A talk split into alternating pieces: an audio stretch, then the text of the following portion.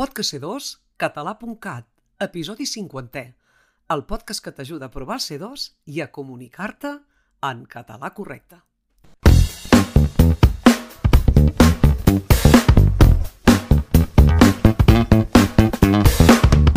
El podcast d'avui és diferent. Us volem convèncer que compreu c2català.cat. No hauríem pensat mai que us ho diríem així de clar i català, tot i saber que aquest curs ha estat dissenyat amb un objectiu, obtenir el certificat de C2. Ens han animat a convèncer-vos els bons resultats obtinguts pels nostres alumnes i els comentaris positius que han fet sobre el curs. Podeu llegir-los al nostre perfil d'Instagram. Ara us explicarem per què creiem que aquest curs us pot anar a mida. Estem cansats de sentir comentaris de persones que han fet cursos de més de 30 hores i en acabar-los no tenen clar ni què han de fer el dia de l'examen ni com. Com pot ser? Doncs hi pot haver diverses raons, però una pot ser que s'hagi dedicat molt temps, potser massa temps, a explicar conceptes que no es corresponen amb el nivell de C2. Per exemple, de vegades s'hi treballa tota l'ortografia, o pràcticament. I malgrat que això no és pas dolent, no és el més encertat, perquè després no queda temps per explicar a fons les tres àrees d'examen per encarar-lo amb confiança. La redacció, l'ús de la llengua i l'expressió oral. Aquests són els tres pilars de l'examen i, si no queden perfectament clars, l'alumne es presentarà a l'examen amb dubtes, sense confiança, perquè no controlarà del tot què ha de fer i com. I això pot marcar la diferència entre aprovar o no. Tornant a l'ortografia, no la volem pas menys tenir. Ans al contrari, és un apartat de la llengua imprescindible de dominar per aprovar el C2. Però, si em permeteu, qui es presenta a C2 ja l'hauria de controlar, si més no la bàsica, la que s'estudia des de primària. Vol dir això que nosaltres no tractem gens l'ortografia? No, en absolut, ja que hi ha vídeos en què tractem temes d'ortografia al curs, però només aquells que hem valorat després de avaluar molts i molts exàmens i que hem coincidit que són els que calen, perquè són els que els alumnes desconeixen i fallen sovint. Perquè m'entengueu, us en posem exemples.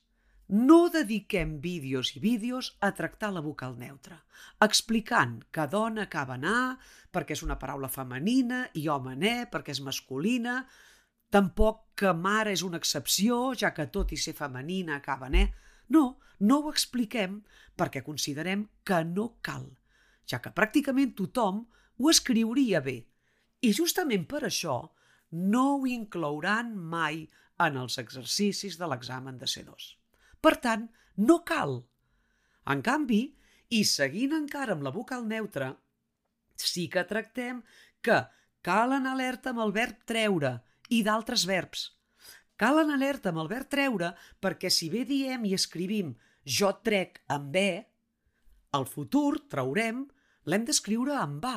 La primera vocal s'escriu amb A. I aquí sí que ens hi entretenim, expliquem per què i quan passa això i proposem activitats de comprovació i consolidació a l'alumne. Bé, doncs temes com aquest sí que els hem inclòs al curs i molts altres d'ortografia gramàtica que hem considerat necessaris d'incloure perquè hem constatat que força examinants s'equivoquen quan es pregunta a l'examen. Queda clar, doncs, que sí que tractem certs temes d'ortografia, però mai no oblidem els tres pilars de què l'alumne s'haurà d'examinar, les tres àrees. Escriure, parlar i ús de la llengua. Gramàtica, lèxic i alguna cosa d'ortografia, però no d'ortografia bàsica.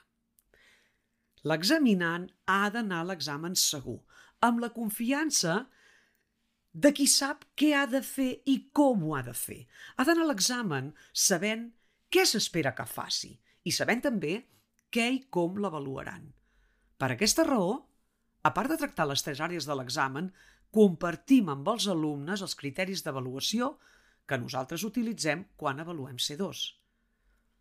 Per tot això que us expliquem, i més, afirmem que és un curs específic de C2, un curs que ha estat dissenyat per un equip d'examinadors que any rere any verifiquem com els examinants cometen els mateixos errors en les diverses àrees d'examen.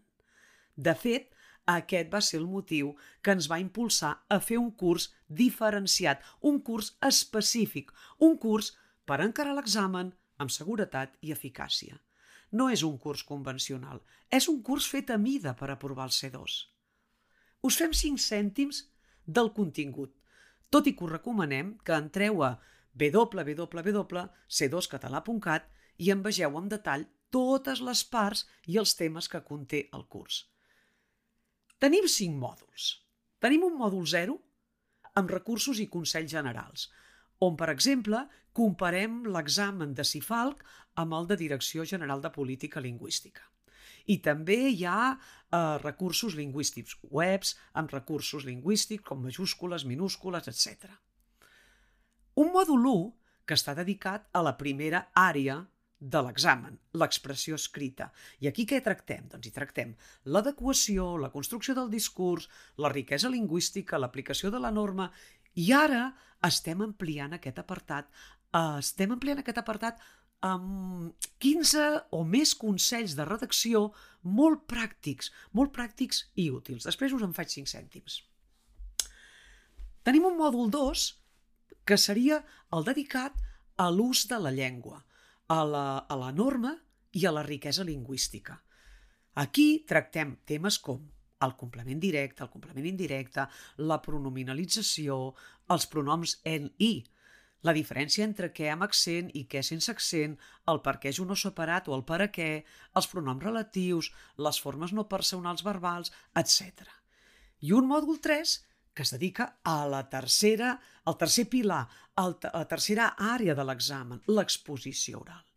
I aquí tornem a tractar l'adequació, la construcció del discurs, la riquesa lingüística i l'aplicació de la norma des de la perspectiva de l'oralitat. I també amb alguns consells més a l'hora de parlar mmm, referents a la prosòdia o el, tot el llenguatge gestual. I finalment hi ha un mòdul 4 en què hi ha activitats de tots els temes tractats en totes les àrees, tant el de l'expressió escrita com el de l'expressió oral, com el mòdul d'ús de la llengua. Però, a més a més de tot això que us acabo de dir, des que el curs va sortir al mercat, ara farà un any i mig, hem anat ampliant el curs. Per exemple, els alumnes ens van demanar si podíem tractar l'accentuació. Bé, nosaltres d'entrada no l'havíem posada perquè ens semblava que era un tema que ja havien de, de conèixer, però, com que ens ho van demanar, l'equip de C2 ho va posar sobre la taula i va valorar si mm, pagava la pena d'elaborar de, aquest tema o no, i el vam elaborar. El vam elaborar i el vam incloure al curs. De fet, vam incloure l'accentuació, l'accent diacrític i també la dièresi. I actualment, com ja us he dit, estem ampliant el curs amb una sèrie de recursos molt senzills i pràctics, amb més de 15 píndoles dedicades totes a donar consells per millorar la redacció. I cada píndola conté el tema que volem tractar, que volem que l'alumne observi. I aquest tema, que és, és, és, té una explicació molt breu, conté exemples i frases per posar-ho en pràctica i, evidentment, també la nostra proposta com a solució a l'exercici que volem que faci l'alumne. Uh, us en diem alguns títols d'aquests consells de, de redacció que estem introduint. No abusis dels incisos. No amaguis el subjecte. Elimina els possessius innecessaris. No escriguis paràgrafs totxo. Evita els circumloquis, etc. Creiem que aquests consells són una molt bona eina per avançar, per guanyar confiança i millorar en l'àrea de redacció i treure millor nota. I la part oral, que, que també la tractem a fons i, i reconeixem que és una part complicada de tractar, ho fem de manera que l'alumne s'encari eh, amb models d'exposicions orals i les valori amb les mateixes eines amb què ho fem nosaltres, els examinadors. Uh, els llibres de text passen de punteta sobre l'oralitat i de vegades els cursos també, perquè no hi ha temps perquè l'alumne pugui fer, que tots els alumnes del curs puguin fer exposicions orals. I és una mica com la ventafocs de, de, dels cursos de C2, però l'oralitat és, és important. I nosaltres ho fem a través d'aquest exercici que us dèiem, que és molt innovador i és un exercici pràctic que requereix molt d'esforç d'observació i de dedicació per part de l'alumne, ja que ha d'analitzar les exposicions que els donem com a mostra amb els ulls de l'examinador. I després, quan ja ho ha fet sota el nostre rol, des de la perspectiva de l'examinador, ja ha analitzat i valorat els discursos orals, pot, bé, pot, més ben dit, ha d'observar com ho hauríem avaluat nosaltres i per què. Bé, deixant de banda mm, tot el contingut que us acabo d'explicar, també vull remarcar que és un curs 100% en línia. Això vol dir que es pot fer quan es vulgui, quan es pugui, des d'on es vulgui i les vegades que convingui. I durant un any. Però el fet que sigui en línia no vol dir que no hi hagi ningú darrere. Al contrari, nosaltres sempre hi som i responem tots els dubtes que els alumnes ens plantegen. I ho fem tan de pressa com podem, en un marge de 24, 48 hores o, si podem, menys. Però si alguna cosa haguéssim de destacar del curs, allò de què n'estem més satisfets és del resultat que han obtinguts que han obtingut els nostres alumnes. El resultat que, de fet, ja esperàvem que fos, perquè el, la major part dels nostres alumnes han aprovat i ens ho han fet saber i ens han fet arribar la seva opinió sobre el curs, que és bona. I us convidem a llegir les opinions al nostre perfil d'Instagram, com us hem dit abans. I per tot plegat, hem considerat que pagava la pena fer aquest podcast, en què us animem a comprar el nostre curs. I podríem afegir més informació, però creiem que us podeu fer una idea prou clara de com és el curs i com funciona. I també us permet considerar que, si voleu preparar-vos per aprovar el C2, el nostre curs és una molt bona opció.